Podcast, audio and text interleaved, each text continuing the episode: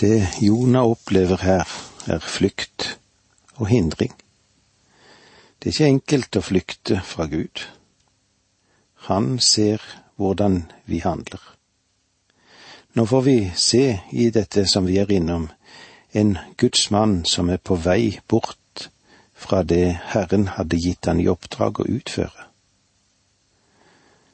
Årsaken er ikke nevnt direkte, men det Jonah ville, han ville forsøke å komme så langt bort han bare kunne. Han betalte reisen sjøl. Kanskje han betalte med det som han skulle brukt pengene til for å komme seg til Ninive. Men det Jonah fikk oppleve, var at det går ikke an å flykte fra Gud.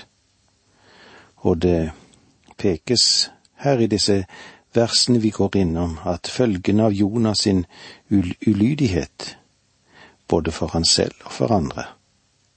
Han sov jo midt i farene.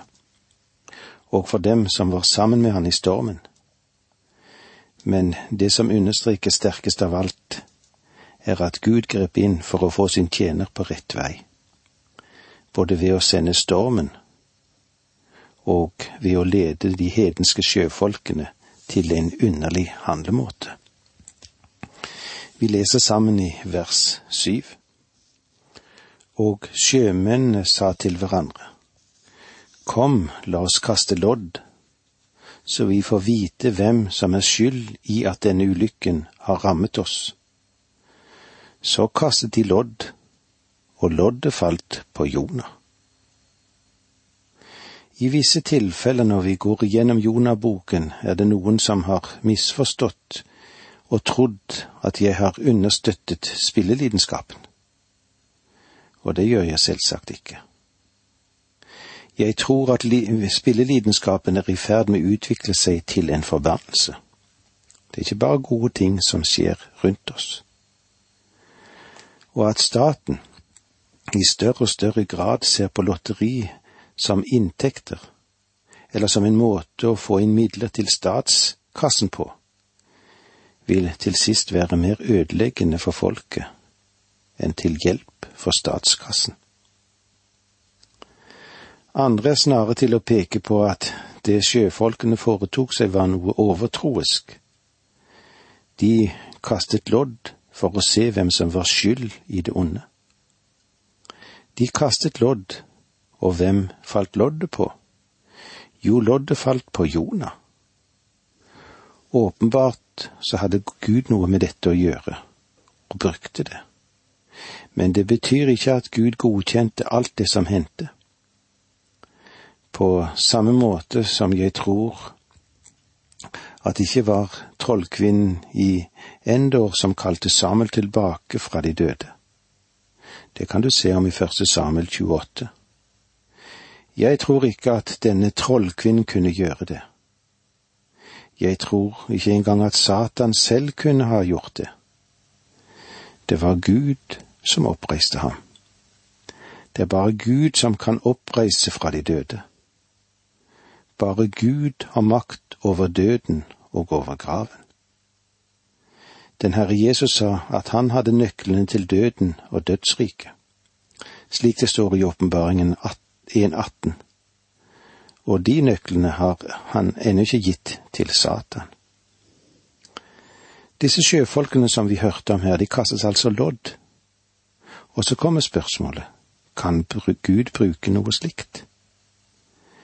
Ja, Gud har anvendt og brukt mange underlige veier for å nå mennesker og fremme sin vilje gjennom historien. Dessuten skal vi huske at det å kaste lodd var ikke noe fremmed for israelittene. Det står om yppersteprestens kledning, de følgende ord, i annen Mosebok, kapittel 28, vers 30. I brystduken skal du legge urim og tumim. De skal ligge ved Arons hjerte når han trer frem for Herren. Aron skal alltid bære domsavgjørelsen for Israels sønner ved sitt hjerte for Herrens åsyn. Og du kan merke deg når det gjelder kong Saul, for eksempel. Han som kalte frem Samuel gjennom trollkvinnen i Endor, at før han kalte henne til seg, hadde han kastet lodd. men det ga ikke det utslaget som han ønsket. La oss igjen merke oss at Gud har veier å gå som er stengt for oss, og som Gud i unntakstilfeller benytter seg av. Det betyr ikke alltid at Gud godkjenner alle forhold. Han sier at han vil la menneskers vrede være hans lovprisning, og det kan også vende menneskets overtro til å prise ham. Disse folkene som var om bord i denne båten, de var høyst overtroiske. Men Gud, han brukte deres overtro. De kastet lodd, og loddet, det falt på Jonah. Legg nå merke til hva som hender, vi leser i vers åtte. Da sa de til ham, Si oss hvem som er skyld i at denne ulykken har rammet oss. Hva æren er du ute i, og hvor kommer du fra? Hvilket land er du fra, og hvilket folk hører du til? Det virker som om at Jonah har pratet litt med disse sjøfolkene, men han har ikke sagt mye om seg selv. Han er sannelig ikke noe vitne for Gud. En mann som er utenfor Guds vilje, kan aldri bli et effektivt vitne for Gud. Og det er det viktig for oss alle sammen å understreke. Legg nå merke til hva det var Jonah ikke hadde sagt dem. Først av alt sa de til ham. Vi ønsker å stille deg noen spørsmål siden dette forferdelige har kommet over oss. Hvilket ærend er du ute i? Jonah har ikke fortalt noen at han er en profet. Det har han holdt hemmelig. Og hvor kommer du fra? Jonah hadde ikke fortalt dem at han kom fra Gathefer i Nordriket, ifra Israel. Han har ikke sagt noe om sin hjemby. Hvilket land er du fra? Han har ikke sagt at han er en israelsk borger. Og hvilke folk hører du til? Han har ikke sagt at han tilhører israelsfolket, som har en åpenbaring av den levende og sanne Gud. Han har ikke forklart dem at han er en profet som representerer den levende Gud, og som er blitt kalt til å dra til Ninive for å bringe et budskap om håp og frelse. Jon har ikke fortalt noe om dette. Hvorfor? Han forsøker å undertrykke alt som står i tilknytning til Guds vilje. Vers 9. Han svarte, Jeg er hebreer, og jeg dyrker Herren himmelens Gud, Han som har skapt havet og fastland. Jeg er hebreer, og det sier en hel del. Hebreerne de var kjente som monoteister, det vil si de hadde bare én gud. De tilba bare én gud, aldri andre avguder. De hadde ingen andre guder, men tilba den ene Gud som er skaperen. Jonas sier, Jeg er hebreer, og jeg dyrker. Dyrker kan òg oversettes med frykter. Jeg er hebreer og dyrker Herren, himmelens Gud, Han som har skapt havet og fastlandet. Jonas sier at han tilber den Gud som skapte det havet som de nå ser i opprør. Han skapte havet, og han skapte òg det tørre land. Jeg forutsetter at disse sjøfolkene kjente til Israel, men de var hedninger og de hadde ingen kunnskaper om den levende og sanne Gud. Vers 10 Da ble sjømennene grepet av en stor redsel og sa til ham, Hva er det du har gjort? For de visste at han hadde rømt fra Herren.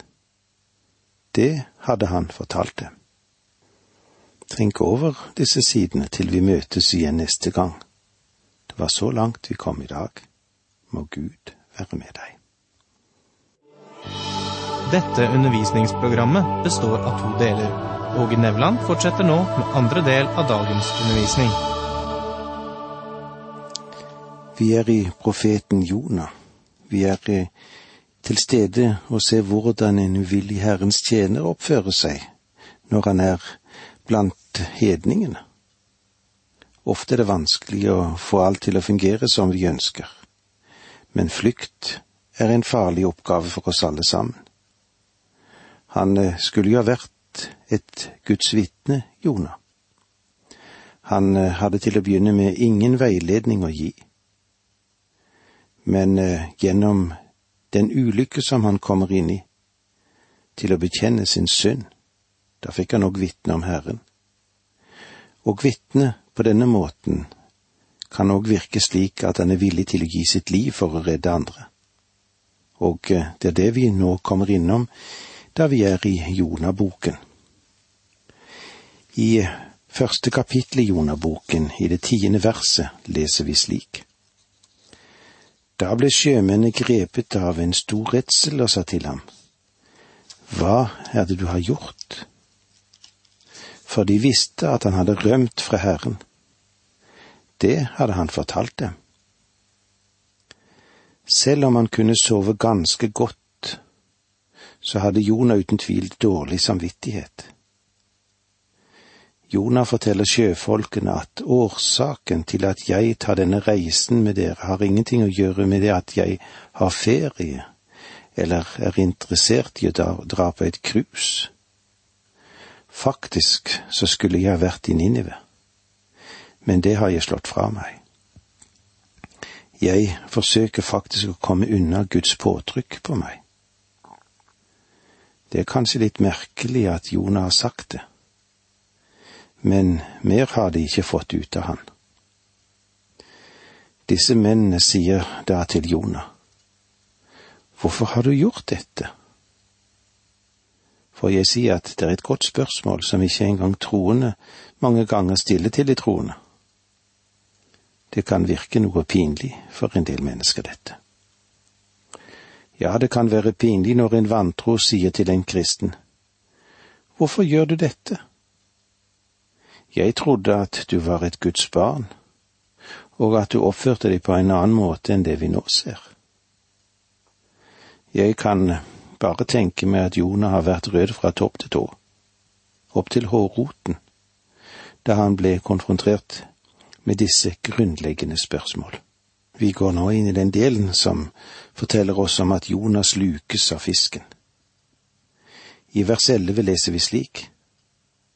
Hva skal vi gjøre med deg, sa de, så havet kan legge seg. For havet ble mer og mer opprørt. Disse menn innser nå at de står overfor et veldig vanskelig avgjørelse, og så ønsker de at Jonas skal ta avgjørelsen at det er han som skal fatte hva som nå skal gjøres. Og så stiller de han et spørsmål. Hva skal vi gjøre med deg, så at stormen legger seg? Og Jonah, han gir dem et direkte og klart svar, vers tolv. Han svarte, Ta og kast meg i havet, så skal det stilne.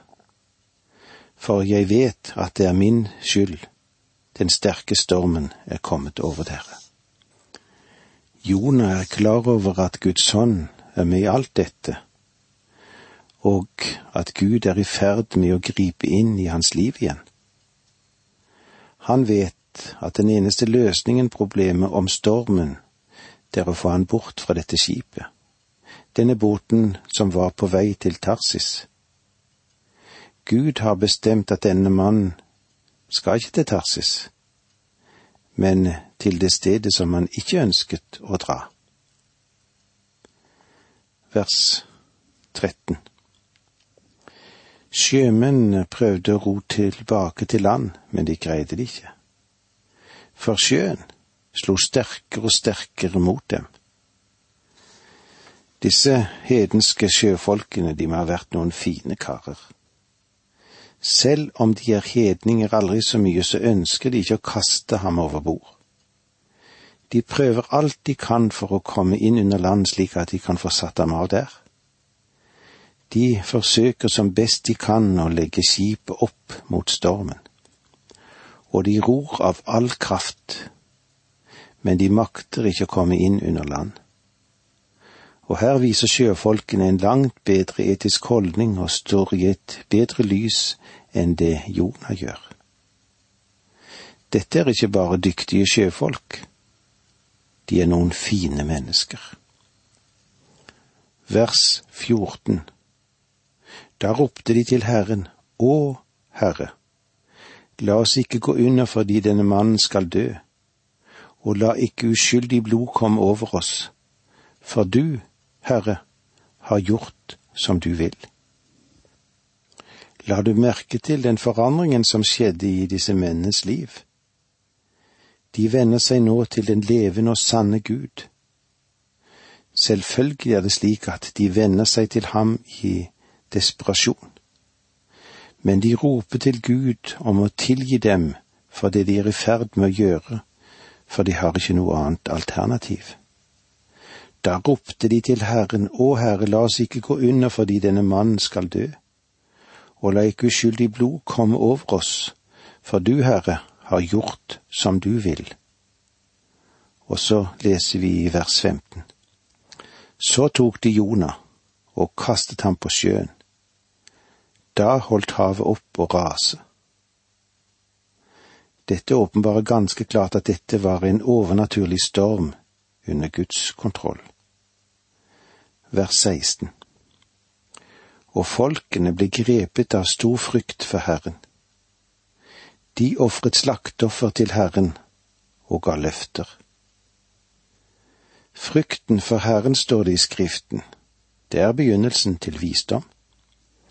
Folkene ble grepet av stor frykt for Herren. Fryktet de sin Gud? Nei. De fryktet ham som er skaperen over sjø og land. De ofret slaktoffer til Herren. Deres offer, det peker hen på Jesus Kristus. Det er ikke noe annet alternativ. Og de ga løfter. Hvilke løfter ga disse mennene? De ga Herren løfter om at de nå ville tjene ham. Gjennom denne opplevelsen venner de seg til den levende og sanne Gud. Så noe godt kommer ut av denne stormen ved at Jonah er om bord og ved at han blir kastet over bord. Legg nå merke til hva som hender med Jonah. I det første verset i andre kapittel leser vi slik. Herren sendte en stor fisk som slukte Jonah, og han var i fiskens buk i tre dager og tre netter.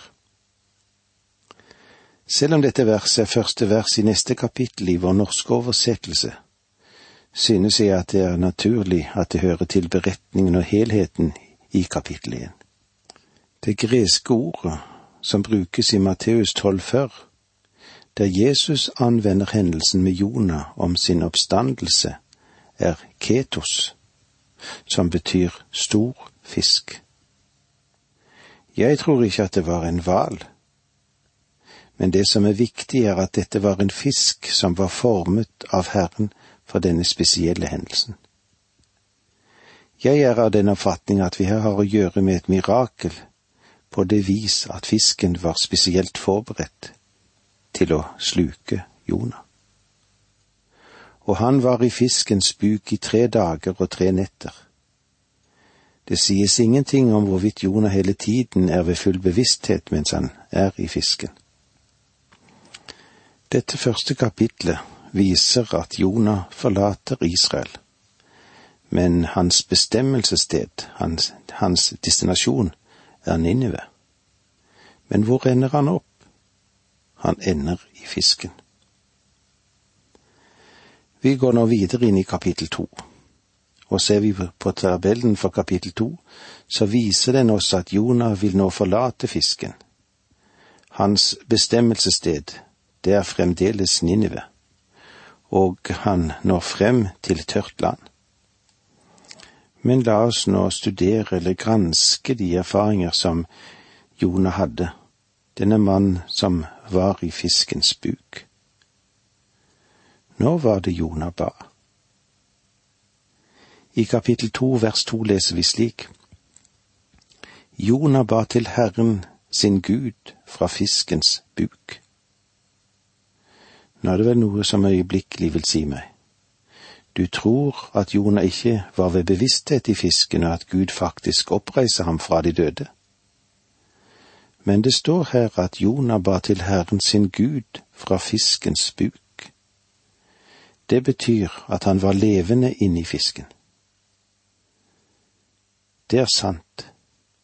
Men mitt spørsmål er, når var det Jonah ba sin bønn? Ba han denne bønnen først da han kom inn i fisken?